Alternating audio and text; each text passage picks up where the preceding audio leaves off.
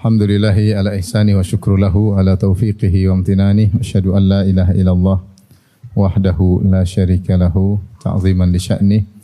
Wa asyhadu anna Muhammadan abduhu wa rasuluhu adda ila ridwani. Allahumma salli alaihi wa ala alihi wa ashabihi wa ikhwani. Hadirin dan hadirat yang dirahmati oleh Allah Subhanahu wa taala.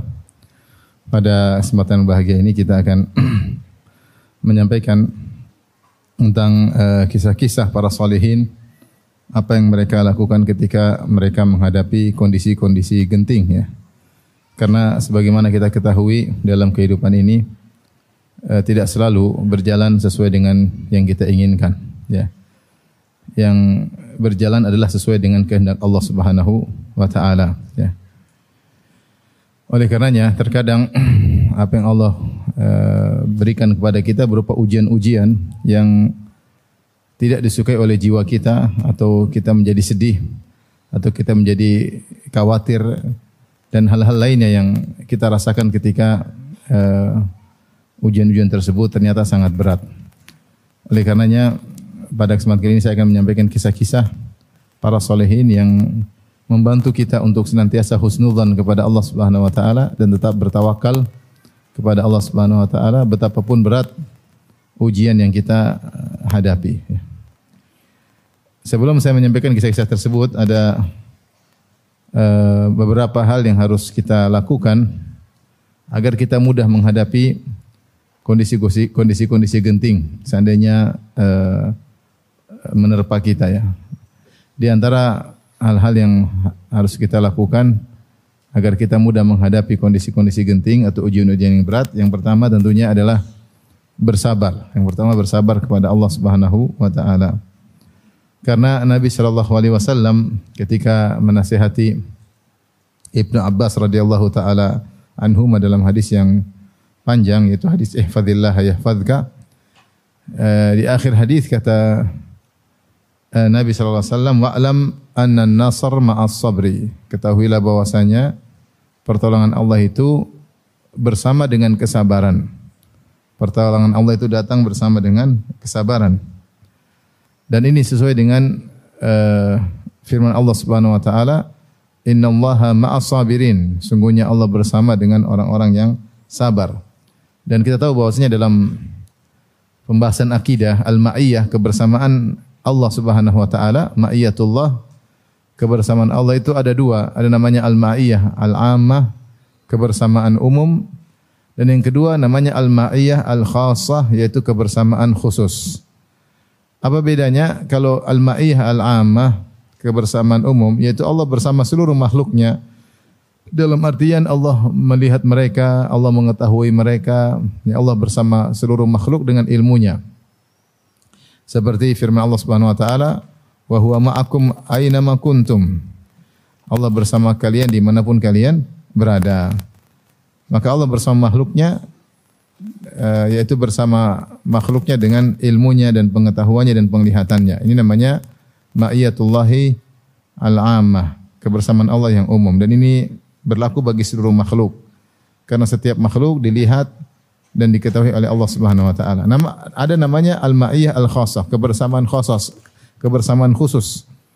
Yaitu kebersamaan bagaimana? Kebersamaan yang mengkonsekuensikan at-ta'yid wan nasar, pertolongan dan penguatan dari Allah Subhanahu wa taala.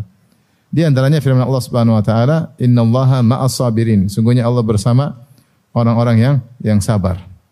Seperti perkataan Nabi sallallahu alaihi wasallam ketika dalam goa bersama Abu Bakar As-Siddiq radhiyallahu taala anhu, maka Rasulullah SAW berkata, La tahzan innallaha ma'ana. Jangan kau sedih, sungguhnya Allah bersama bersama kita. Yaitu Allah akan menolong kita, Allah akan uh, menguatkan kita.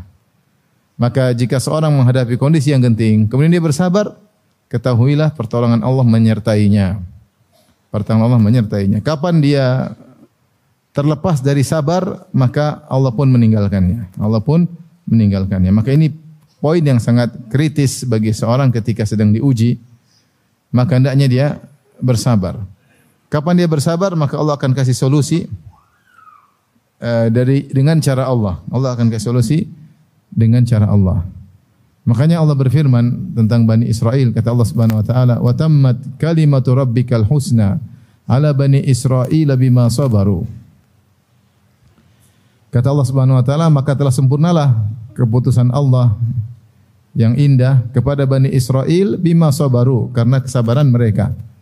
Itu setelah mereka disiksa sekian lama, diintimidasi oleh Fir'aun dan para pengikutnya sampai akhirnya datang Nabi Musa alaihissalam menasihati mereka. Ista'inu billahi wasbiru. Kata Nabi Musa, wahai kaumku, minta tolonglah kepada Allah dan bersabarlah. Nah, ketika mereka bersabar, Allah tolong mereka. Allah berfirman, "Wa tammat kalimatu rabbikal husna ala bani Israila bima sabaru wa dammarna ma kana yasna'u yasna'u fir'aun wa qaumuhu wa ma kanu ya'rishun." Dan kami hancurkan Fir'aun dan apa yang telah dilakukan oleh Fir'aun dan kaumnya. Tapi kapan mereka ditolong oleh Allah? Ketika mereka bersabar. Setelah dinasihati oleh Nabi Musa alaihissalam. Maka ini poin yang sangat penting ketika kita terkena ujian. Allah telah mengatakan dalam Al-Quran, Wallahu yuhibbus sabirin. Sungguhnya Allah mencintai orang-orang yang sabar. Kalau kita ingin senantiasa dicintai oleh Allah, senantiasa ditolong oleh Allah, kita merasa pede karena kita sabar karena Allah bersama kita, maka kita harus sabar. Kapan kita tidak sabar, maka Allah meninggalkan kita. Kapan kita tidak sabar, maka cinta Allah mulai luntur dari dari kita. Karena dalam kehidupan ini banyak hal yang yang yang, yang, yang tidak kita sukai, banyak hal terkait dengan keluarga kita, terkait dengan ekonomi kita, terkait dengan banyak hal. Kita pinginnya ke utara, ternyata kita malah kegeret ke selatan. Berlabuh dengan kapal berharap ke, menuju ke utara ternyata angin berhembus ke arah selatan. Pinginnya ke ngalor malah angin ke ngidul. Pinginnya ke ngetan malah ke ngulon ya, ngulon. Dan sering seperti itu. Karena semua yang kita inginkan kalau semuanya kita inginkan dikabulkan itu hanya di surga. Itu hanya di mana? Surga. Kalau di dunia enggak lah. Di dunia banyak kita pingin ini hasilnya begini, pinginnya gitu hasilnya, rencananya begini ternyata hasilnya berbeda. Dikarenanya di antara kunci yang paling penting dalam menghadapi problematika kehidupan yang genting terutama adalah kesabaran. Adalah kesabaran. Ini perkara yang sangat sangat penting. Yang kedua, karena kalau kita sabar Allah akan tolong kita. Yang kedua adalah berbaik sangka kepada Allah Subhanahu wa taala. Berbaik sangka kepada Allah Subhanahu wa taala ketika sedang diuji oleh Allah dengan perkara-perkara yang yang genting. Allah Subhanahu wa taala berfirman, "Inna Allaha ma'al ladzina taqaw wal ladzina hum muhsinun."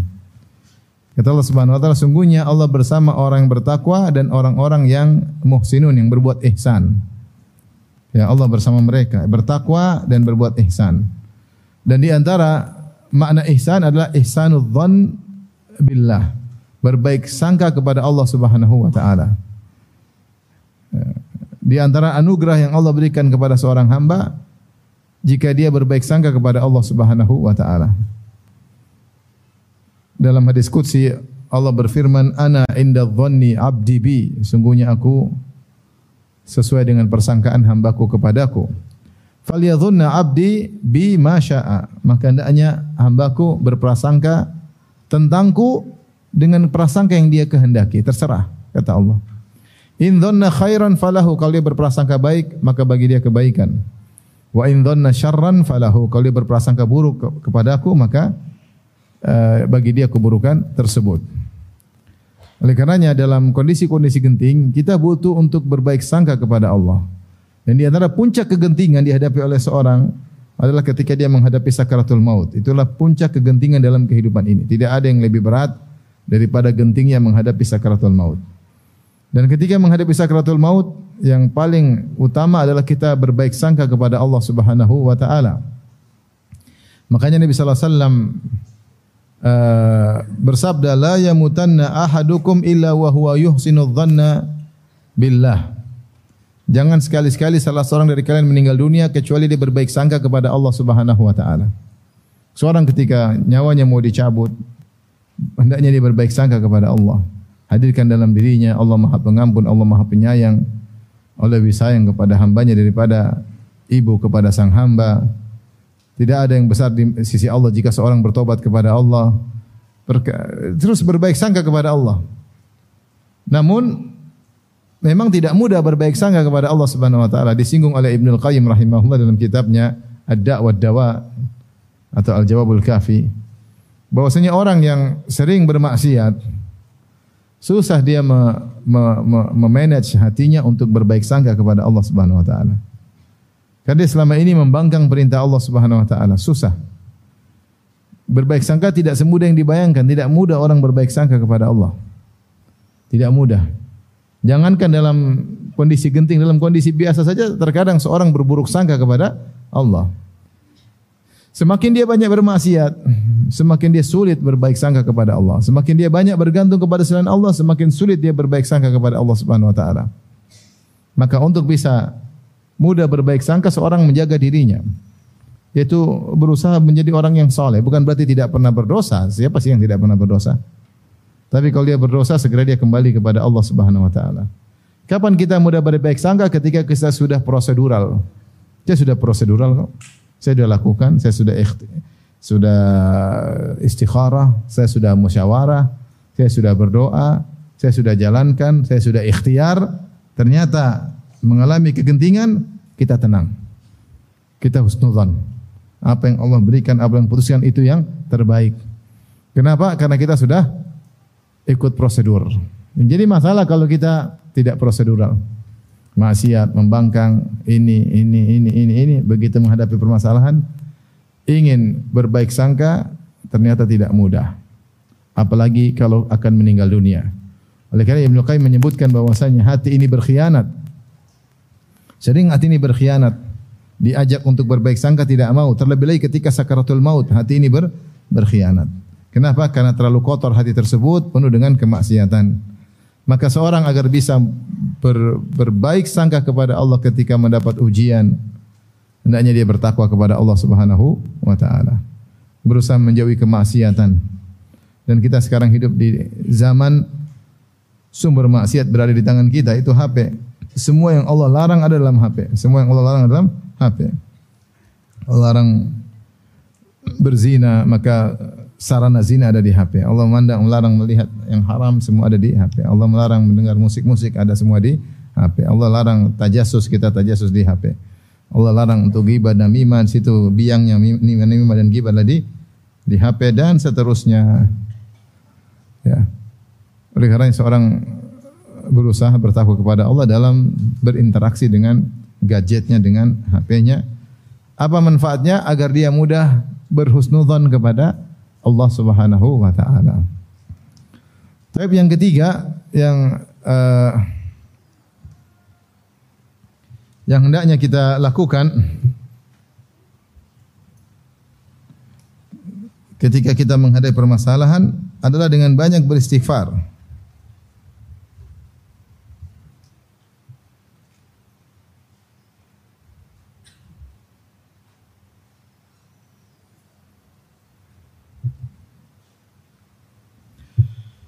Agar kita banyak istighfar. Kenapa? Karena secara umum kaidah menyatakan semua keburukan yang kita alami adalah dari dosa, karena dosa-dosa kita. Ya. Mama asabaka min sayyi'atin famin nafsik. Keburukan apa pun yang menimpamu maka adalah dari dari dirimu. Ma asabakum min musibatin fabima kasabat aydikum wa ya'fu an katsir. Tidak ada musibah yang menimpa kecuali akibat ulah perbuatan kalian.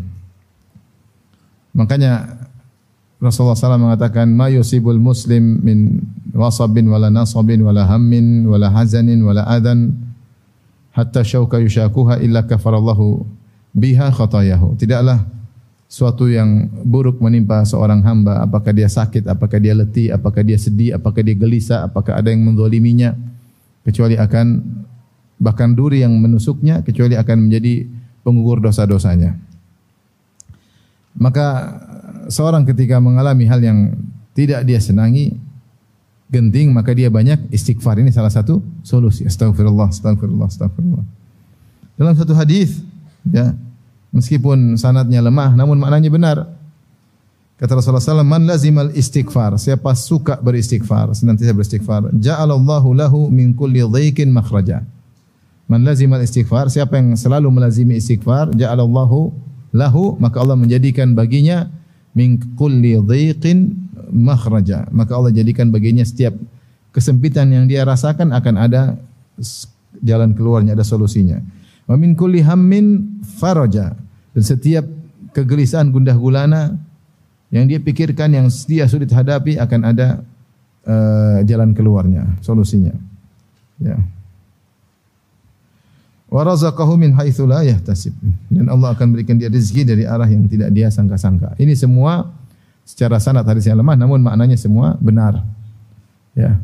Makanya ketika Nabi Nuh alaihissalam menasihati kaumnya dia berkata faqultu astaghfiru rabbakum innahu kana ghaffara maka aku katakan kepada kalian kepada mereka itu kaumnya istaghfiru rabbakum istighfarlah kepada Rabb kalian innahu kana ghaffara sungguhnya Allah Maha Pengampun. Yursilis samaa alaikum midrara Allah niscaya akan turunkan bagi kalian hujan yang lebat. Wa yumdidukum bi amwalin wa banin maka Allah akan berikan kepada kalian banyak anak banyak harta. Wa ja'alakum jannatin wa ja'alakum anhara maka Allah akan tumbuhkan bagi kalian taman-taman, kebun-kebun dan Allah akan bukakan bagi kalian sungai-sungai. Ma'alakum la tarjuna lillahi wa qara kenapa kalian tidak mengagungkan Allah Subhanahu wa taala? Sebenarnya tafsir mengatakan kaum Nuh ketika itu mengalami musim kemarau. Musim kemarau sehingga air sungai kering, tidak ada tumbuh-tumbuhan. Maka Nuh kasih solusi, istighfar. Beristighfarlah, beristighfarlah. Maka seorang ketika menghadapi hal yang genting, lazimi istighfar. Astagfirullah, astagfirullah. Sebanyak-banyaknya astagfirullah, astagfirullah. Sambil istighfar yang berkualitas, sambil ingat dosa-dosa yang dia lakukan. Astagfirullah, astagfirullah. Mungkin saya kurang ibadah, astagfirullah. Saya kurang bersyukur kepada Allah Subhanahu wa taala. Astagfirullah Allah sudah bangunkan saya malam hari, saya tidur lagi sampai subuh. Astagfirullah banyak. Astagfirullah saya sombong, astagfirullah saya kerjanya ngomel-ngomelin istri, astagfirullah. Saya ngomel-ngomelin suami, apalagi parah, astagfirullah. banyak. Astagfirullah saya masih pelit sama orang tua. Astagfirullah saya merendahkan orang lain. Saya merasa sok pintar. Astagfirullah. Banyak kita istighfar banyak sekali. Astagfirullah sambil kita menjadikan istighfar kita berkualitas. Maka kalau kita banyak istighfar, niscaya Allah kasih jalan apa? Keluar. Allah jadikan kita jalan jalan keluar. Ya. Terutama beristighfar di waktu sahur. Wabil asharihum yastaghfirun. Istighfar di waktu sahur ini istighfar yang paling berkualitas. Setelah seorang salat malam, kemudian dia duduk, kemudian dia beristighfar, astagfirullah, astagfirullah, astagfirullah, astagfirullah. Maka insya Allah Allah kasih dia solusi. Kasih dia solusi. Taib, uh, makanya ada cerita ada seorang wanita suaminya marah-marah sama dia, kemudian suaminya pergi. Ketika suaminya kabur dari rumah, maka dia nunggu suaminya datang sambil istighfar. Astagfirullah, astagfirullah, astagfirullah. Terus istighfar sampai suaminya datang sendiri. Jangan suami sudah datang, ngapain pulang? Ah, ya repot lagi. Tiba-tiba Allah menggerakkan hati suaminya iba kepada istrinya, pingin balik, sayangnya tumbuh lagi. Yang ngatur hati siapa? Allah Subhanahu wa taala. Makanya kalau ibu-ibu kalau suami ngomel apa? Astagfirullah, astagfirullah, astagfirullah. Yang keempat, ya, kalau seorang agar mudah menghadapi kondisi-kondisi yang genting, maka hendaknya ketika di waktu lapang dia lagi nyaman-nyaman dia beribadah kepada Allah, cari muka di hadapan Allah Subhanahu wa taala dengan kenyamanan yang Allah berikan kepadanya. Ini di antara wasiat Nabi kepada Ibnu Abbas dalam hadis yang panjang yaitu hadis uh, yang tadi saya sebutkan Eh, ihfazillah yahfazka ihfazillah tajidhu tujahaka idza sa'alta fas'alillah wa idza ista'anta fasta'in billah wa alam anna al ummata dan seterusnya hadis yang panjang. Di akhir hadis kata Nabi sallallahu alaihi wasallam ta'arraf ila Allah fi raha ya'rifka fi shiddah. Ta'arraf ila Allah fi raha ya'rifka fi shiddah. Ta'arraf yaitu perkenalkanlah dirimu atau berusaha mengenal Allah. Cari muka di hadapan Allah ketika kau dalam kondisi raha dalam kondisi nyaman. Lagi duit lagi banyak, untung lagi banyak, lagi sehat ya. Lagi riang gembira, jangan lupa sholat duha, jangan lupa sholat malam, jangan lupa baca Quran. Ya'rifka fi syiddah, maka Allah akan mengenali engkau ketika dalam kondisi berat.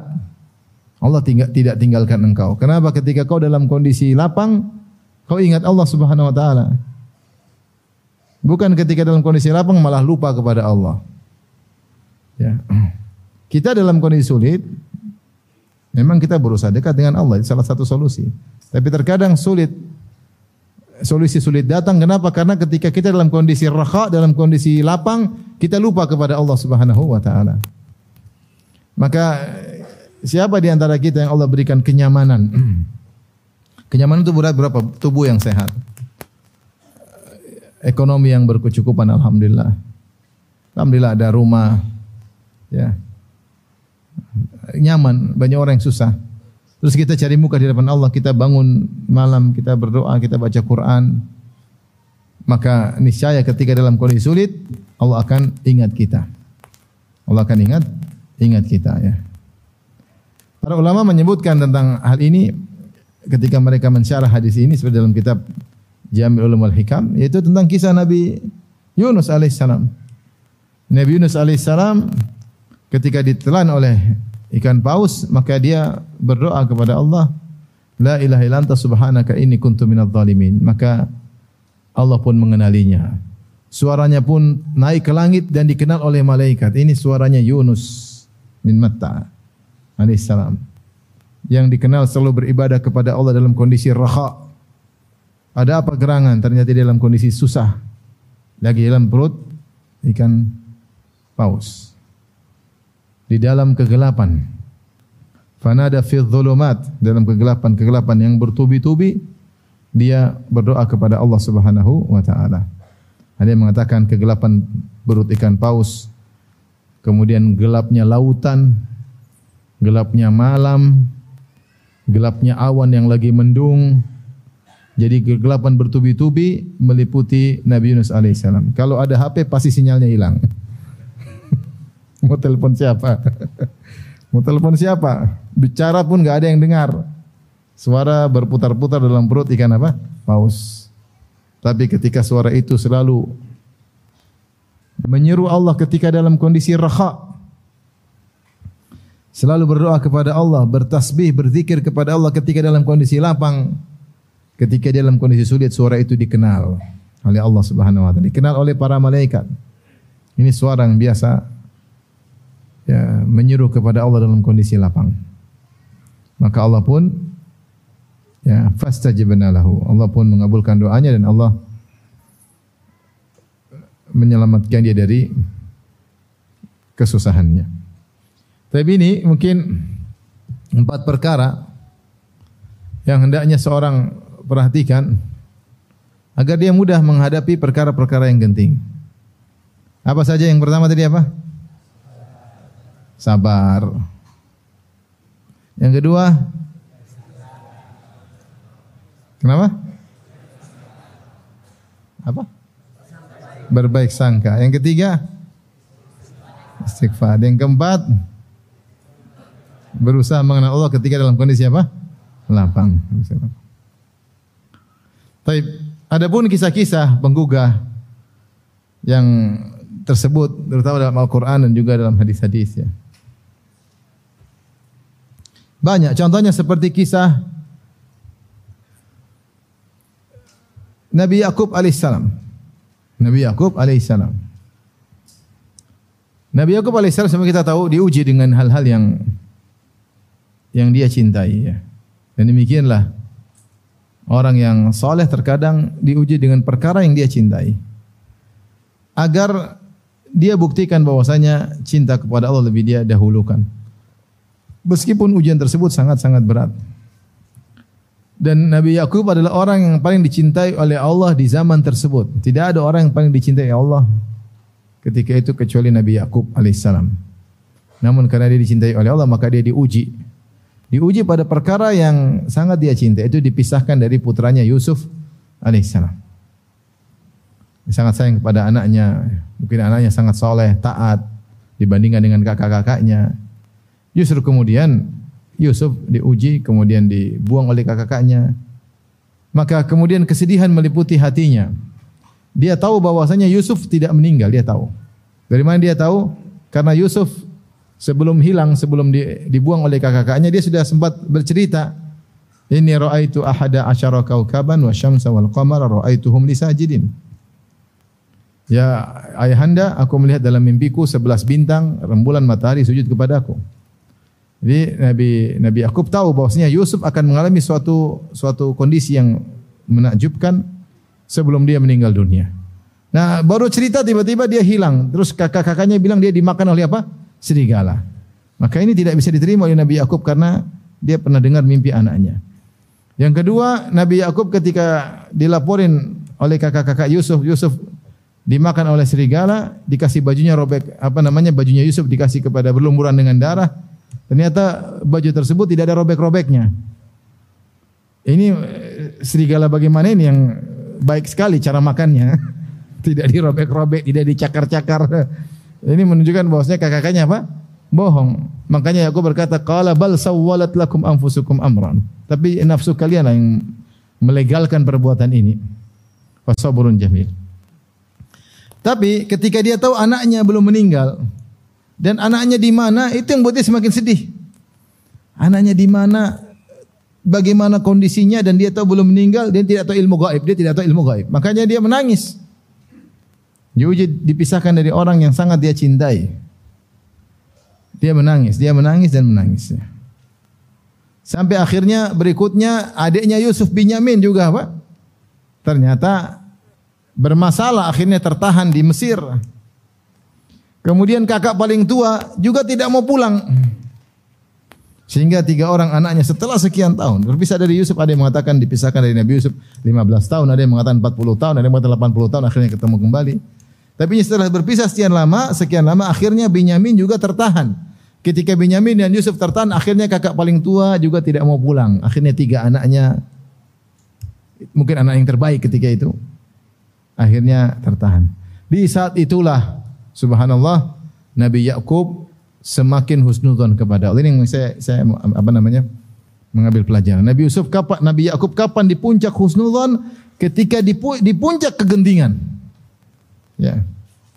Makanya ketika kakaknya yang tidak mau pulang mengatakan irju ila abikum faqulu ya abana inna ibnaka saraq wa ma syahidna illa bima alimna wa ma kunna lil ghaibi hafizin was'al qaryata allati kunna fiha wal allati aqbalna fiha dan seterusnya sampaikan kepada ayahanda adik kita mencuri Binyamin padahal tentunya tidak.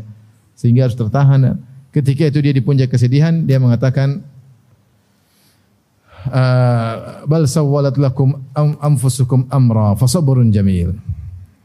Kata dia fasabrun jamil aku akan bersabar dengan sabar yang indah. Apa itu sabar yang indah? Sabar tidak mengeluh kepada manusia tapi hanya berkeluh kesah kepada Allah Subhanahu wa taala. Itu namanya sabrun jamil Kesabaran yang seorang ketika berkeluh kesah hanya kepada Allah dan tidak berkeluh kesah kepada manusia. Ketika itu Allah mengatakan, "Wa tawalla anhum wa qala ya asafa ala Yusuf wa biyaddat aynahu minal husni fahuwa kadhim." Maka dia pun berpaling dari kakak-kakaknya Yusuf. Kemudian dia ingat lagi, oh kesedih sekali anakku Yusuf. Dia ingat lagi Yusuf. Setelah sekian lama dia tidak menyebut namanya. Ketika Benyamin tertahan, dia ingat lagi kepada anaknya Yusuf. Wa biyadhat aina ketika itu puncak kesedihan matanya pun putih. Minal husni. Tadinya ada bulatan hitam jadi putih semua menunjukkan dia tidak bisa melihat lagi karena saking sedihnya.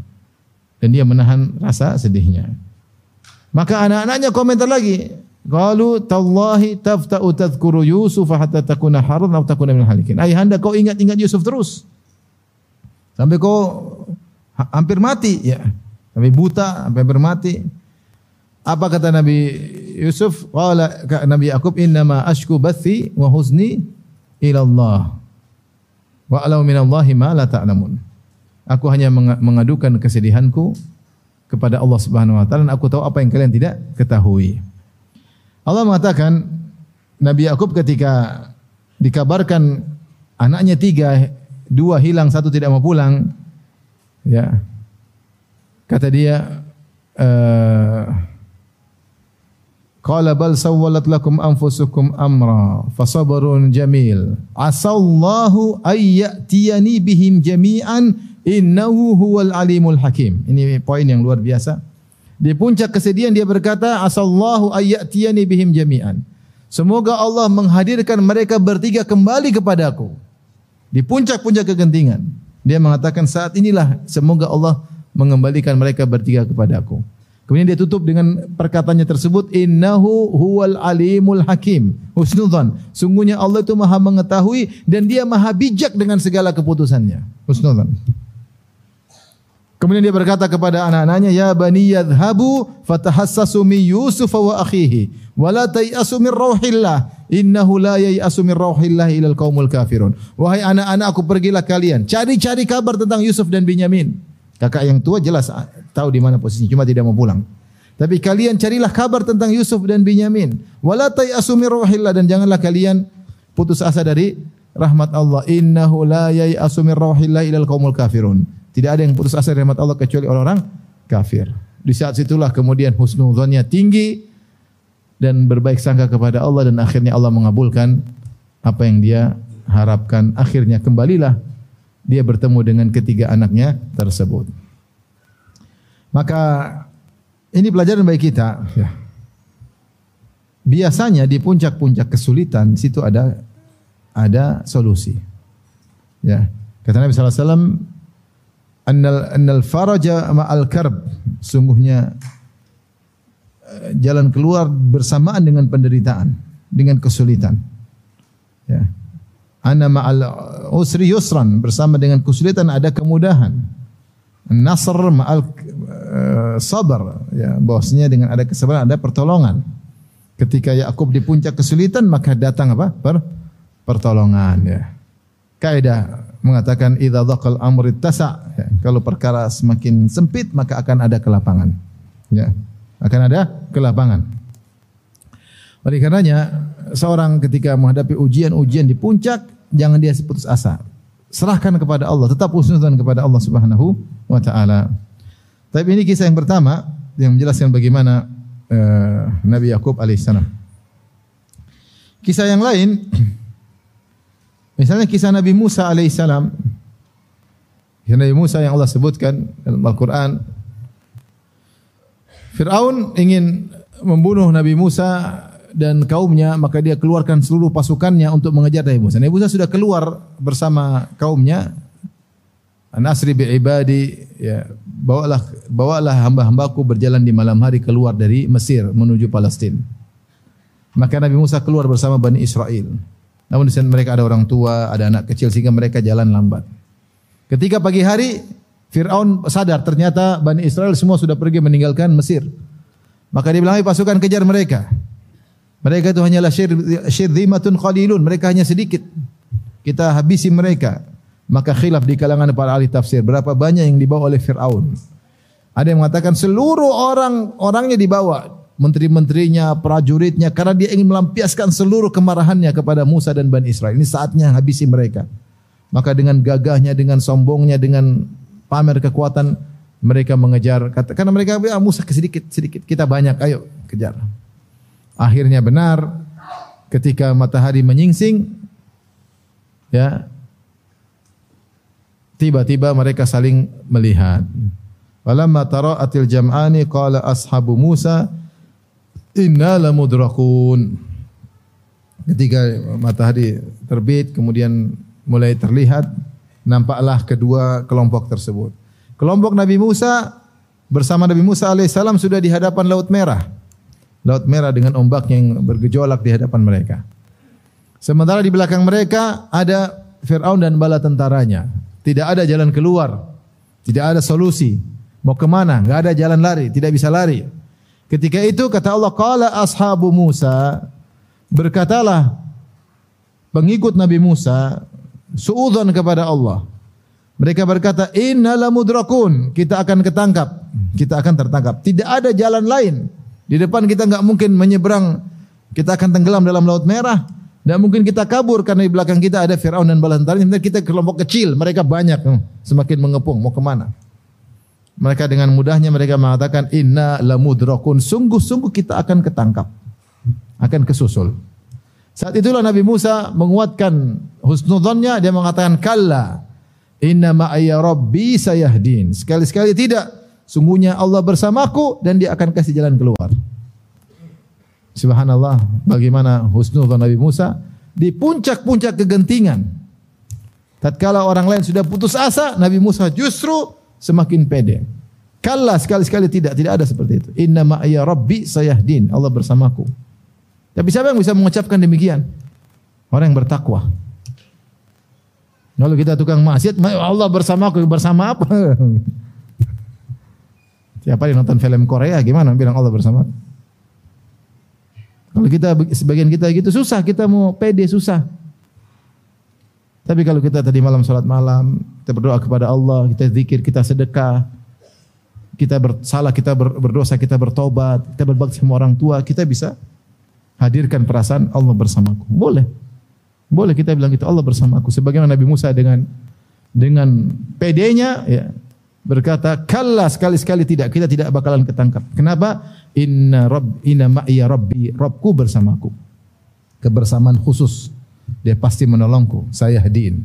Dan benar, akhirnya Allah suruh Nabi Musa memukulkan tongkatnya, maka fan falaqa fakana kullu firqin kataudil azim. Maka kemudian air laut pun mengalir ke atas melanggar undang-undang alam semesta. Airnya kan ngalir dari atas ke bawah. Ini air dari bawah ngalir ke mana? Ke atas. Ya. Hukum teori gravitasi tidak berlaku. Naik ke atas. Itulah mukjizat. Naik ke atas kemudian bikin lorong 12. Jadi air bukan cuma terbuka, naik ke atas bikin lorong 12. Seperti disebut oleh Ibnu Katsir dalam tafsirnya. Lorong 12 karena mereka 12 suku. Karena kalau lorong cuma satu nanti Empat-empetan terlambat. Sementara ini di belakang kejar terus. Dibukalah 12 lorong. Kemudian seorang kemudian mereka masuk masing-masing sesuai dengan lorongnya. Kemudian di lorong air tersebut ada jendela-jendelanya sehingga mereka saling melihat. Tidak suudon, jangan-jangan teman kita suku sana sudah mati. Enggak, mereka saling melihat. Sementara 12 lorong. Akhirnya mereka apa? Selamat. Setelah mereka selamat, Nabi Musa ingin mukulkan tongkat lagi, lagi kata Allah jangan watrakil bahra rahwan innahum jundum mughraqun biarin jangan dulu dipukul akhirnya Firaun dan belantaranya laut masih terbuka kata Firaun fatajallada kata Ibnu Katsir Firaun sudah terlanjur dia ego dia gengsi mundur maka dia menyabarkan dirinya kemudian dia bikin ulah dia bilang wahai kaumku sungguhnya laut telah terbuka untukku mari sini Ya terlanjur mau gengsi mundur gimana nggak enak kan? Nah, Tuhan masa gengsi, masa mundur. Ayo. Laut terbuka untukku. Semua mojo goblok semua, masuk semua. Kemudian Nabi Musa pukul sekali lagi kemudian mampus semua. Tapi mau saya bagaimana Nabi Musa alaihissalam justru pede di puncak-puncak kegentingan. Puncak kegentingan. Contoh lagi kisah dalam Al-Qur'an. Seperti kisah yang kita sudah singgung tadi. Nabi Muhammad SAW bersama Abu Bakar As-Siddiq. Thaniyah ini dalam surat Al-Anfal. Thaniyah ini idh huma fil ghar idh yaqul li sahibi la tahzan inna Allah ma'ana. Dalam surat apa? Taubah atau Al-Anfal? Thaniyah ini idh huma fil ghar idh yaqul li sahibi la tahzan inna Allah ma'ana. Ketika ketika yang kedua berkata kepada temannya, yang kedua maksudnya Nabi Muhammad SAW berkata kepada teman si Abu Bakar. Idhuma fil ghar ketika mereka berdua berada dalam goa. Itu goa di Jabal Saur. Idh yaqul li sahibi ketika dia berkata kepada temannya, Nabi berkata kepada kawannya, "La tahzan, jangan kau sedih. Innallaha ma'ana, sungguhnya Allah bersama kami." Kapan Nabi mengucapkan ini? Ketika di puncak kegentingan. Sebagaimana kita ketahui ketika Rasulullah SAW berhijrah, maka kaum Quraisy membuat sayembara, siapa yang bisa mendatangkan Abu Bakar atau Muhammad hidup atau mati dapat 100 ekor onta. Maka tersebarlah sayembara tersebut, orang rebut-rebutan ingin bisa menangkap Muhammad dan Abu Bakar satu atau kedua-duanya hidup atau mati karena dapat 100 ekor onta. Anak-anak muda datang untuk membunuh Muhammad dan Rasulullah sallallahu alaihi wasallam. Akhirnya Rasulullah SAW pasang strategi di antara strategi tersebut adalah Rasulullah SAW ketika pergi meninggalkan kota Mekah, Rasulullah SAW tidak langsung ke utara menuju kota Madinah karena Mekah di bawah, Madinah di utara di atas, di atas lagi negeri Syam. Maka harusnya Nabi ketika keluar di kota Mekah langsung menuju utara. Tapi di antara strategi Nabi, Nabi justru ke selatan menjauhi kota Madinah. ke selatan kira-kira 6 kilo naik ke atas namanya Jabal Thawr. Sembunyi situ tiga hari. Kenapa sembunyi tiga hari? Supaya mengelabui mereka. Kalau tiga hari mereka putar-putar enggak dapat, mereka bilang sudah lolos. Padahal belum berangkat. Itu maksudnya, paham? Maka Rasulullah SAW berencana tiga hari berdiam dalam goa dalam Jabal Thawr. Tujuannya apa? Itu strategi. Karena begitu mereka kehilangan Nabi di kota Mekah, mereka pasti kirim seluruh pasukan ke mana-mana ke segala penjuru untuk cari Muhammad. Kalau sudah tiga hari mereka tidak dapat, berarti sudah lolos. Ternyata belum apa? Belum berangkat. Nah, itu strategi Nabi. Maka Nabi pergi ke selatan, naik ke Jabal Thawr dengan berbagai macam cara. Ya. Sampai ada yang menyebut pada sejarah bahwasanya bahkan jejak kaki Nabi ditutupi dengan kaki-kaki kambing yang di yang di yang di yang digembalakan oleh Amir bin Fuhairah radhiyallahu anhu sehingga tidak ada karena orang Arab pandai membaca jejak kaki. Mereka pandai sekali baca jejak kaki. Akhirnya sudah diusahakan semua supaya Nabi selamat, tidak terlacak jejaknya, toh ternyata perbuatan manusia tidak ada yang sempurna. Semua strategi sudah dipasang, ada missnya. Ternyata benar orang-orang Quraisy mendapati jejak kaki tersebut. Subhanallah padahal padahal di gunung. Ya. Maka mereka naik, naik, naik, naik, naik menyusuri jejak kaki tersebut sampai di mulut gua Jabal Saur. Ketika itu mulut gua terbuka dan guanya itu di bawah. Situ ada Abu Bakar dan Nabi Muhammad SAW. Ketika itu Abu Bakar pun takut. Karena orang sudah ribut-ribut di atas di mulut gua. Saya Abu Bakar berkata kepada Nabi, Ya Rasulullah, lau anna ahadahum nazara ila tahti qadamaihi la abasarana. Ya Rasulullah, jika seandainya salah seorang dari mereka nengok ke bawah gini aja sudah melihat kita. Sudah melihat kita karena pintu gua ter terbuka. Ya. Saat-saat yang genting.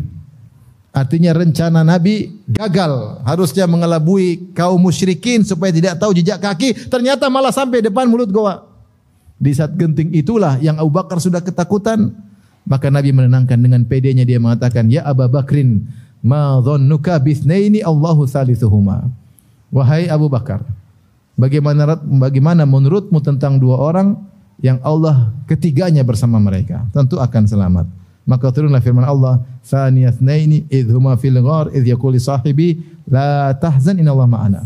Ketika Rasulullah berkata kepada Abu Bakar As-Siddiq radhiyallahu anhu, "Jangan kau sedih, sungguhnya Allah bersama bersama kami. Dan benar akhirnya mereka ditutup mata mereka dan akhirnya mereka pun tidak tahu bosnya di bawah kaki mereka mungkin tinggal satu meter lagi, dua meter lagi sudah ketangkap Abu Bakar. Tapi maksud saya di puncak kegentingan Nabi tetap husnuzon kepada Allah Subhanahu wa taala. Taib. Di antara kisah yang Allah sebutkan di dalam Al-Quran yang sudah tadi kita singgung adalah kisah Nabi Yunus alaihissalam. Kata Allah, "Wa dhannuni idh dhahaba mughadiban fa dhanna an lan naqdir alaih." Fanada fi dhulumati an la ilaha illa anta subhanaka inni kuntu minadh dhalimin. Kata Allah, "Fastajabna lahu." Wa najjaynahu minal gham. Wa kadzalika nunjil mu'minin. Kata Allah Subhanahu wa taala dan kisah tentang Dhannun. Maksudnya Nabi Yunus alaihissalam. Tatkala dia meninggalkan kaumnya dalam kondisi marah. Dia dakwahi kaumnya, kaumnya tidak mau beriman, Nabi Yunus jengkel. Maka dia pergi meninggalkan. Harusnya dia tidak meninggalkan mereka. Allah belum perintahkan dia untuk meninggalkan mereka, tapi mungkin dia jengkel. Akhirnya dia naik, pergi meninggalkan mereka. Wa dhanna Allah naqdir alaih. Tapi dia menyangka dia tidak akan dipersulit oleh Allah. Tapi Allah uji dia karena dia tidak sabar. Alaihi salatu wassalam. Maka kemudian dia pergi, akhirnya naik ke sebuah kapal. Naik sebuah kapal, Ternyata ombak besar. Orang-orang kenal siapa Yunus, ini orang soleh. Akhirnya mereka buang barang. Ternyata kapal masih goyang. Harus ada yang dibuang. Satu orang harus loncat keluar supaya kapal tidak tenggelam. Akhirnya mereka bikin undian. Semua anggota termasuk Yunus ditulis namanya. Goyang-goyang, cerek, keluar nama Yunus. Kata mereka enggak, enggak, enggak, kau enggak orang soleh. Kita goyang lagi. Kedua keluar lagi nama Yunus. Enggak ke orang soleh. Goyang lagi, keluar lagi Yunus. Kata Yunus, itu memang Allah ingin saya loncat. Nabi Yunus pun loncat. Kapal selamat datang ikan paus, kemudian adalah Nabi Yunus. Maka saat itulah Nabi Yunus kata Allah fanada fi dhulumat. Allah uji dia. untuk menjadikan dia lebih baik. Alaihissalam. Ya, maka kemudian dia masuk dalam perut ikan paus. Fanada fi dhulumat tadi saya disebutkan. Dia menyuruh dalam kegelapan, kegelapan perut ikan paus, kegelapan di perut ikan paus ada lampunya enggak? Enggak ada. Enggak ada lampunya, gelap semua. Mungkin jantung berundur. Gelap. Gelap kegelapan laut, kegelapan malam, kegelapan awan yang hitam bertubi-tubi, bertumpuk-tumpuk. Maka Yunus alaihissalam meskipun semua sebab di atas muka bumi sudah tertutup, pintu langit tidak pernah tertutup. Maka dia ada berkata, La ilaha illa ant. Bertawasul dengan kalimat tauhid. La ilaha illa ant. Tidak ada yang berhak disembah kecuali Engkau ya Allah. Aku meminta kepada siapa kalau bukan kepada Engkau. La ilaha illa ant. Ini kalimat tauhid paling penting kita ucapkan ketika kita dalam kondisi genting. La ilaha illa anta. Subhanaka ma suci Engkau ya Allah. Inni kuntu minadh zalimin. Aku termasuk orang yang berdosa. Sini Nabi Yunus beristighfar. Nabi Yunus apa? Istighfar. Dia tahu ini semua karena kesalahannya. Dan dia mengakui dosanya. Diminta kepada Allah Subhanahu wa taala, maka Allah pun kabulkan. Allah selamatkan Nabi Yunus alaihissalam. Kata Allah, "Falaula annahu kana minal musabbihin, lalabitha fi batnihi ila yaumi yub'atsun." Kalau bukan Nabi Yunus dulu termasuk orang yang suka bertasbih, sering salat, dalam kondisi lapang ingat sama Allah Subhanahu wa taala. Lalabitha fi batnihi tentu dia akan berada dalam perut ikan, perut, perut ikan paus sampai hari kiamat. Subhanallah. Tapi kenapa dia diselamatkan? annahu kana minal musabbihin. Dia dulu suka beribadah, suka salat, suka bertasbih, suka berzikir ketika dalam kondisi lapang. Di sini Nabi sebab-sebab yang membuat Nabi Yunus selamatkan di antaranya beristighfar. Beristighfar. Inni kuntu minal zalimin.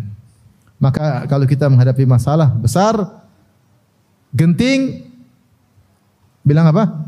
Astaghfirullah, astaghfirullah, astaghfirullah. Antum sekarang ada yang menghadapi masalah genting enggak? Ada? Ada, mungkin ada. Mungkin ada. Di antara kita mungkin ada.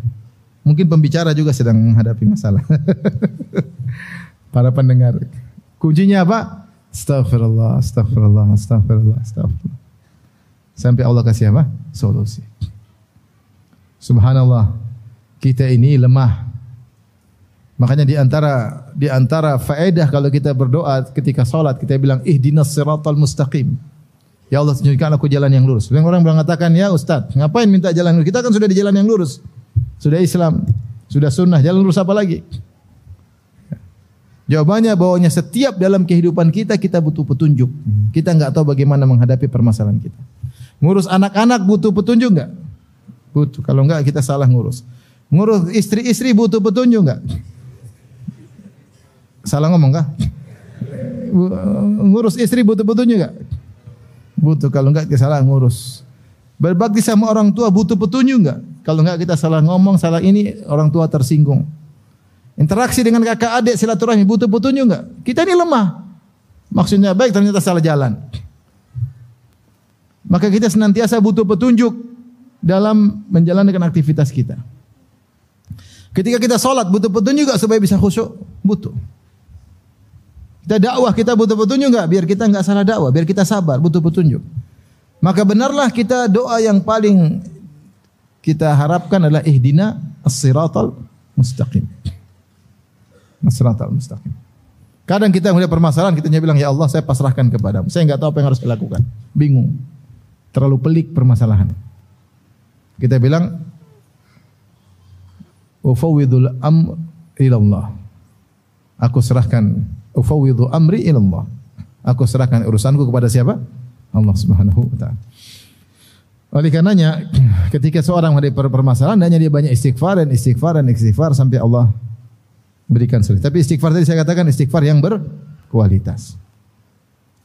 Tapi di antara uh, di antara kisah yang Allah sebutkan dalam Al-Qur'an yang juga dalam kondisi genting adalah kisah perang Al-Ahzab dalam surat Al-Ahzab. Kata Allah, "Ya ayyuhalladzina amanu dzkuru ni'matallahi 'alaikum idz ja'atkum junudun farsalna 'alaihim rihan wa junudan lam tarauha." Wa kana Allah bima ta'maluna basira. Idh ja'ukum min fawqikum wa min asfala minkum wa idh zaghatil absar wa balagatil qulubul hanajira wa tadhunnuna billahi adh-dhununa. Hunalika butuliyal mu'minuna wa zulzilu zilzalan syadida. Allah berfirman, wahai orang beriman, ingatlah nikmat yang Allah berikan kepada kalian. Kapan? Ketika dalam kondisi genting. Idh ja'atkum junudun ketika pasukan-pasukan datang mengepung kalian. Itu Al-Ahzab. Al-Ahzab dikatakan Al-Ahzab yaitu jamak dari hizb, kumpulan kelompok-kelompok. Karena dalam pasukan tersebut ada beberapa kelompok-kelompok. Ada kelompok Quraisy sekitar 4000 orang. Ada dari kabilah Gotofan dan kabilah-kabilah lainnya sekitar 6000 orang. Belum kemudian ada Bani Quraidah yang berkhianat dari dalam kota Madinah. Jumlah dari luar 10 ribu. Dari dalam ada sekitar 700 pasukan perang dari orang Yahudi. Ya. Maka Allah berkata, "Idza'ukum min fawqikum" ketika datang dari atas kalian, 10 ribu pasukan mengepung kalian. Wa min asfala minkum dan dari bawah kalian ada 700 kabilah Bani Quraidah yang berkhianat. Mereka menyatakan kami putuskan perjanjian damai dengan kaum muslimin. Kapan mereka putuskan perjanjian? Ketika di posisi genting. Dalam kondisi genting. Saatnya mereka harus bantu kaum muslimin melawan orang Quraisy, justru mereka berlepas diri, justru mereka ingin balik menyerang kaum kaum muslimin. Ketika itu kondisi sangat mengerikan. Kenapa jumlah kaum muslimin sekitar 2000 orang? Kemudian musim dingin, musim kelaparan. Mereka luar biasa sampai Rasulullah SAW ketika gali Khandaq Rasulullah SAW mengikat perutnya dengan batu saking laparnya. Para sahabat ikat perut mereka dengan batu saking laparnya. Mereka harus gali, gali Khandaq. Kata Allah, "Hunalika wa tadhunnuna billahi dhununa."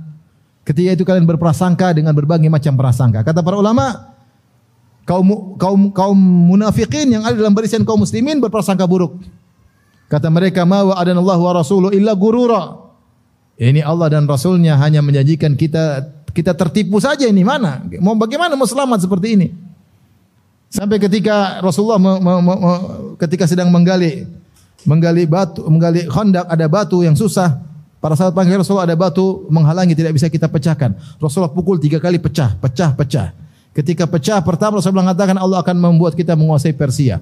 Pecah lagi Allah akan buat kita menguasai Romawi. Pecah lagi Allah akan buat kita menguasai Yaman. Orang munafik ngejek. Ini Muhammad ini bicara apa? Kita mau keluar aja buang air takut bilang menguasai, menguasai, menguasai. Ma wa'adanallahu wa rasuluhu illa gurura. Muhammad Allah dan Rasulnya hanya menjadikan kita hanya tipuan semata. Ini persangkaan kaum mukmin, apalagi sudah di depan kaum musyrikin yang begitu banyak. Sampai Allah berfirman, wa izagatil absar wa balagatil qulubul hanajir. Ketika mata mata sudah tidak bisa memandang dengan stabil karena ketakutan yang luar biasa yang dilihat tidak stabil. Zagatil absar, tidak stabil. Wala wa balagatil qulubul hanajir. Jantung naik sampai ke kerongkongan saking takutnya berdetak luar biasa. Kata Allah, "Hunalika butuliyal mu'minuna wa zulzilu zilzalan syadida." Ketika itu kaum ini diuji dengan ujian yang berat dan digoncang dengan sebesar-besarnya, digoncang oleh Allah, ketakutan luar biasa. Tapi orang mukmin ketika falamma ra'al mu'minuna al-ahzaba qalu hadza ma wa'adana Allah wa rasuluhu wa sadaqa Allah wa rasuluhu. Wa ma zadahum illa imanan wa taslima. Kata Allah memuji kaum mukminin ketika dalam kondisi genting, tatkala kaum mukminin melihat Ahzab sudah datang semuanya dengan sombongnya mereka dengan kekuatan yang begitu banyak 10 ribu orang sementara mereka cuma sedikit. Mereka berkata, "Hadza ma wa'adana Allah wa rasul." Ini yang sudah Allah dan Rasulnya janjikan. Wa sadaqallahu wa rasuluh. Dan sungguh benar Allah dan Rasulnya. Kata Allah tidaklah menambah mereka kengerian seperti itu illa imanan wa taslima. Mereka semakin beriman dan mereka semakin pasrah kepada Allah Subhanahu wa taala. Inilah mereka berbaik sangka kepada Allah di saat kondisi apa? Genting. Seakan-akan tidak mungkin menang, tahu-tahu Allah kirimkan pertolongan, fa arsalna alaihim rihan wa junudan lam tarauha. Allah pun kirim angin memporak-porandakan mereka. Allah kirim malaikat, angin menghembus dengan begitu kencangnya menghabisi mereka. Tidak ada tungku yang di atas taruh di atas uh, bara api kecuali tungku tersebut terbalik, apinya mati. Tidak ada kemah kecuali kemahnya tumbang. Angin sangat kencang, sangat kencang sampai akhirnya mereka ketakutan. Akhirnya mereka pulang. Ya. Wakafallahu al-mu'minin al-kitab. Mereka pulang ketakutan. Tapi mau saya justru dalam kondisi mereka melihat jumlah yang banyak Justru mereka mengatakan wa sadaqallahu wa rasuluh. Sungguh benar Allah dan Rasulnya. Di saat itulah iman mereka semakin semakin tinggi. Taib. Di antara kisah yang Allah sebutkan misalnya dalam Al-Quran seperti kisah Nabi Ayub mengajarkan kepada kita untuk berbaik sangka kepada Allah Subhanahu wa taala. Allah berfirman wa ayyuba idnada rabbahu anni massani yadur wa anta arhamur rahimin fastajibna lahu. Kata Allah Subhanahu wa taala ingatlah Ayub alaihissalam Ketika dia terkena penyakit, kemudian dia berdoa kepada Rabbnya. Dia mengatakan, Anni massani yadur. Ya Allah, aku ditimpa dengan penderitaan. Dia tidak mengeluh, Ya Allah, ini sakit gini. dia dia ijmal global. Dia tahu Allah Maha tahu. Tapi dia tutup doanya dengan kita boleh berdoa sebagai Nabi Zakaria. Kita berdoa dengan dua cara. Ada cara kita detail seperti Nabi Zakaria, Nabi Zakaria. Idnada rabbahu nidaan khafiyya Qala rabbi inni wahana al-azmu minni wa ishta'ala ar-ra'su wa lam akum bi du'aika rabbi shaqiyya wa inni khiftu al-mawaliya mi wara'i wa kanat imra'ati aqira fa hab li min ladunka waliya yarithuni wa yarithu min ali yaqub waj'alhu rabbi radhiya. Nabi Zakaria ketika berdoa, "Ya Rabbku, aku sudah tua, rambut putih semuanya, enggak ada hitamnya, semuanya Pak, putih. Tulangku sudah lemah." Ya. Dan istriku mandul dan orang-orang butuh untuk diurusin. Tidak ada orang alim yang mengurusin melanjutkan tugasku untuk berdakwah. Anugerahkanlah kepada anakku yang bisa anak yang bisa melanjutkan tugasku mengurusi Bani Israel. Dia sebutkan saya begini, begini, begini, begini, begini. Boleh. Boleh. Dan Nabi SAW juga pernah berdoa dalam satu riwayat uh, ketika Rasulullah SAW diusir dari kota Taif maka Rasulullah berdoa dengan doa yang panjang. Ashku ilaika dha'fa quwwati wa qillati hilati wa hawani 'alan nas. Ya Allah aku keluhkan kepada Engkau, aku ber, berkeluh kepada Engkau tentang lemahnya kekuatanku. Sedikitnya kemampuanku dan bagaimana aku dihinakan oleh manusia. Nabi bicara. Tidak ada masalah. Tapi Nabi Ayub dia tempuh cara yang lain. Dia ketika sakit dia bilang ani masaniyad Aku ditimpa dengan penderitaan. Dalam riwayat ayat yang lain binus bin wa adab ya. Ditimpa dengan penyakit dan penderitaan ya. Tapi dia tidak perinci begini-begini saya sudah tujuh tahun ya Allah sakit. Tidak. Karena dia tahu Allah tahu tentang apa sakit yang dia alami. Tapi dia bicara secara global, bosnya saya sedang menderita. Ini juga boleh. Yang menakjubkan dia akhiri doanya dengan berkata, "Wa anta arhamur rahimin." Engkau adalah zat yang paling penyayang kalau seandainya di hadapan saya ada orang-orang yang sayang sama saya, maka engkau zat yang paling maha penyayang di antara semuanya. Kita ini, siapa yang sayang sama kita? Banyak yang sayang sama kita. Orang tua kita sayang sama kita tidak? Anak-anak sayang atau tidak? Istri-istri sayang atau tidak? Wallah alam. Istri sayang, kakak adik sayang enggak? Sayang, mungkin tetangga sayang, anak-anak sayang, teman dekat sayang. Semua sayang, semua kalah wa anta arhamur rahimin. Engkau yang maha apa? Penyayang. Allah Subhanahu wa taala. Allah yang maha, maha penyayang. Lallahu arhamu bi ibadihi min hadhihi bi waladiha. Allah lebih sayang kepada hamba-hambanya daripada seorang ibu kepada anaknya. Maka dia bertawassul dengan nama Allah Arhamur Rahimin. Engkau adalah zat yang maha penyayang dan maha penyayang tidak akan meninggalkan aku seperti ini. Husnudzon luar biasa. Allah kabulkan langsung sembuh langsung sembuh. Nabi Ayub alaihissalam. Semua, semua semuanya mudah. Cuma urkot beri licik suruh injak-injak kemudian keluarlah air untuk mandi dan untuk minum. Kemudian sembuhlah Nabi Ayub alaihissalam. Intinya ayat ini dijadikan oleh para ulama. Maka Allah harus kita husnudzon karena dia yang paling sayang kepada kita. Kalau kita punya kawan baik sama kita, kira-kira kita husnudzon atau suudzon? Katanya sama antum. Ada teman baik selalu bantu. Kita kalau kita husnudzon atau suudzon sama dia? Kita husnudzon dia baik. Orang ini baik kok, insyaallah gitu. Begitu. Mungkin dia belum bisa bantu saya karena saya begini, mungkin dia lagi susah. Tapi kita pasti husnudzon karena kita tahu dia ini baik. Dia sayang sama kita. Bagaimana dengan Allah yang Arhamur Rahimin? Kenapa kita suudzon sama dia? Tinggal kita manage hati kita husnudzan sama Allah Subhanahu wa taala. Itu di antara sebab Allah mengabulkan doa seorang seorang hamba. Taib. Masih ada waktu? Mas. Di antara kisah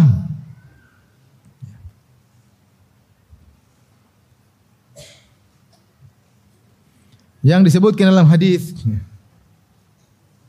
adalah kisah Hajar dan Ismail.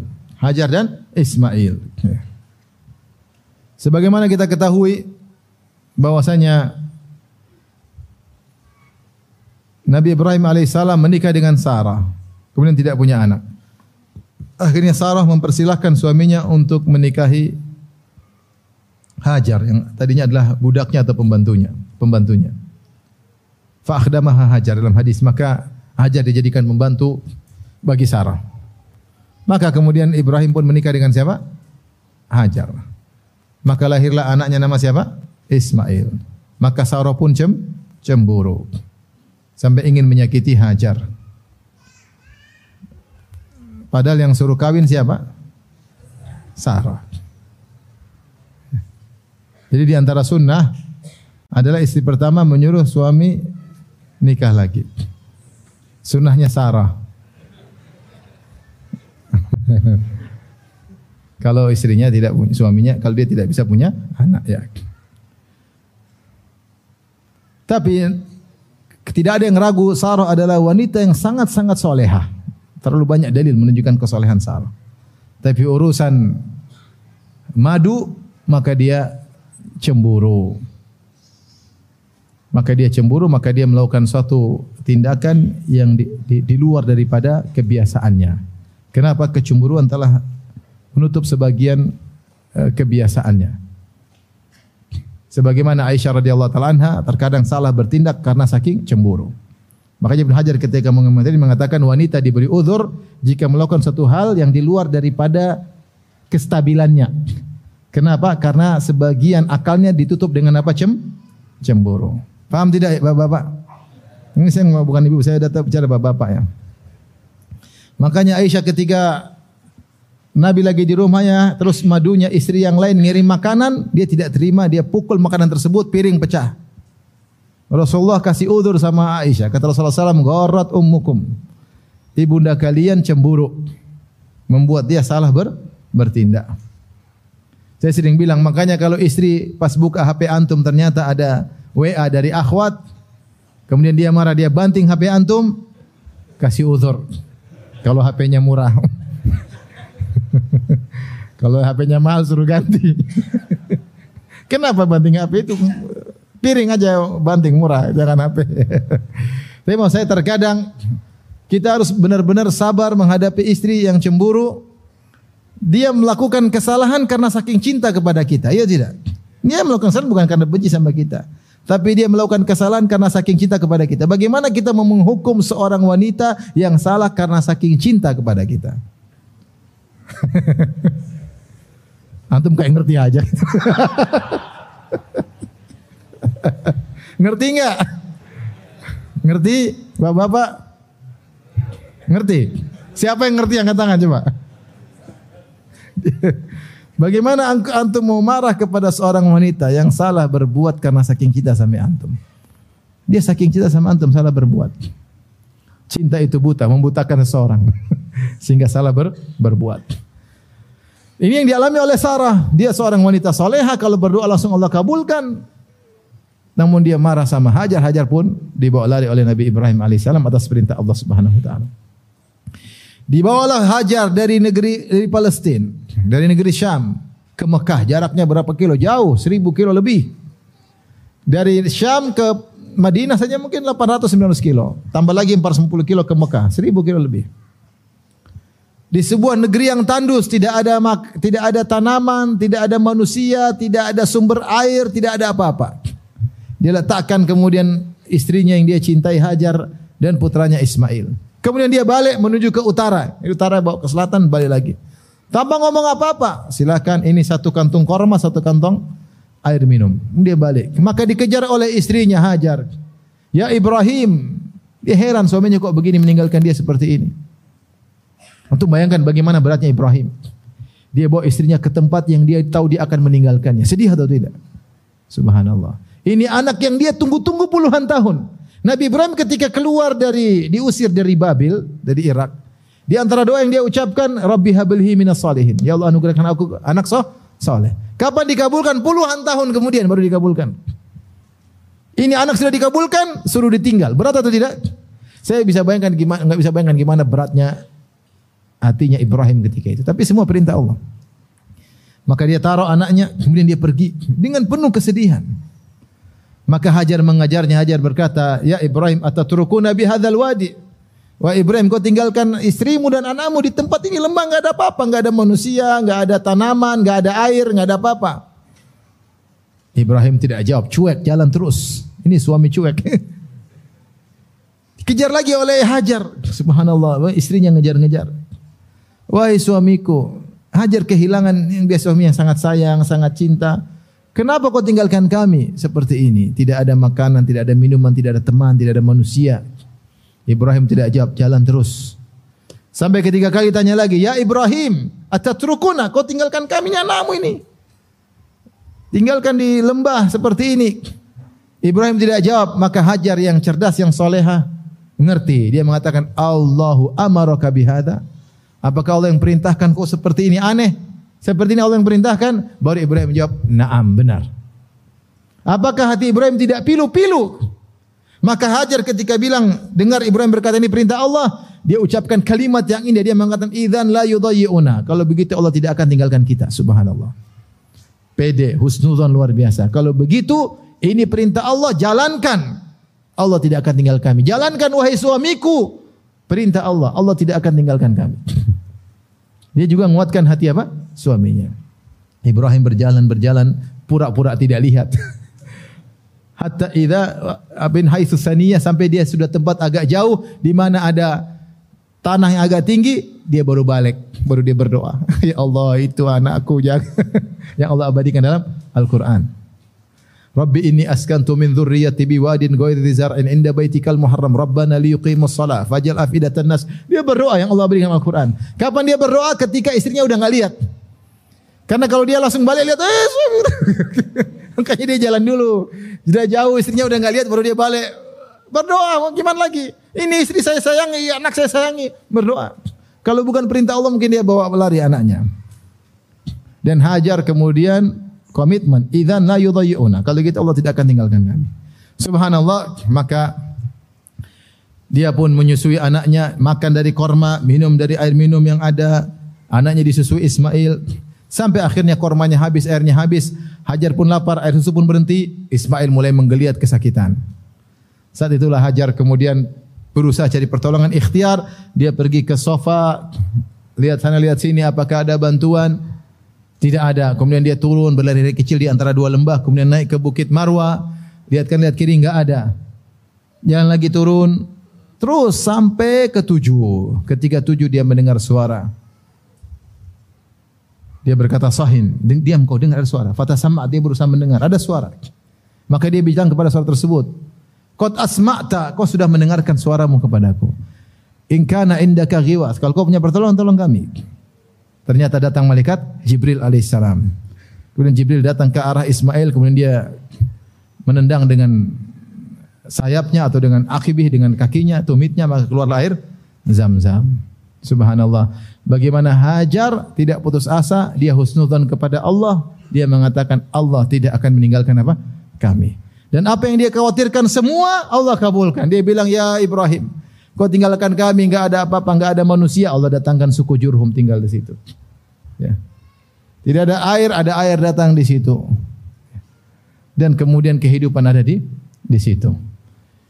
Ini semua karena takwa kepada Allah dan husnudzon kepada Allah. Namun saya katakan tadi, seorang sulit untuk husnudzon kecuali jika dia bertakwa kepada Allah Subhanahu wa taala. Dia tahu jika semua pintu di atas muka bumi tertutup, maka pintu langit tidak akan pernah tertutup dia langsung bisa connecting kepada Rabbul Alamin sang pencipta alam semesta yang mendengar apa yang dia ucapkan yang mengetahui isi gerak hatinya demikian ikhwan dan akhwat yang rahmati Allah Subhanahu wa taala yang saya sampaikan semoga bermanfaat. Demikian subhanakallah bihamdik asyhadu an la ilaha anta astaghfiruka wa atubu assalamualaikum warahmatullahi wabarakatuh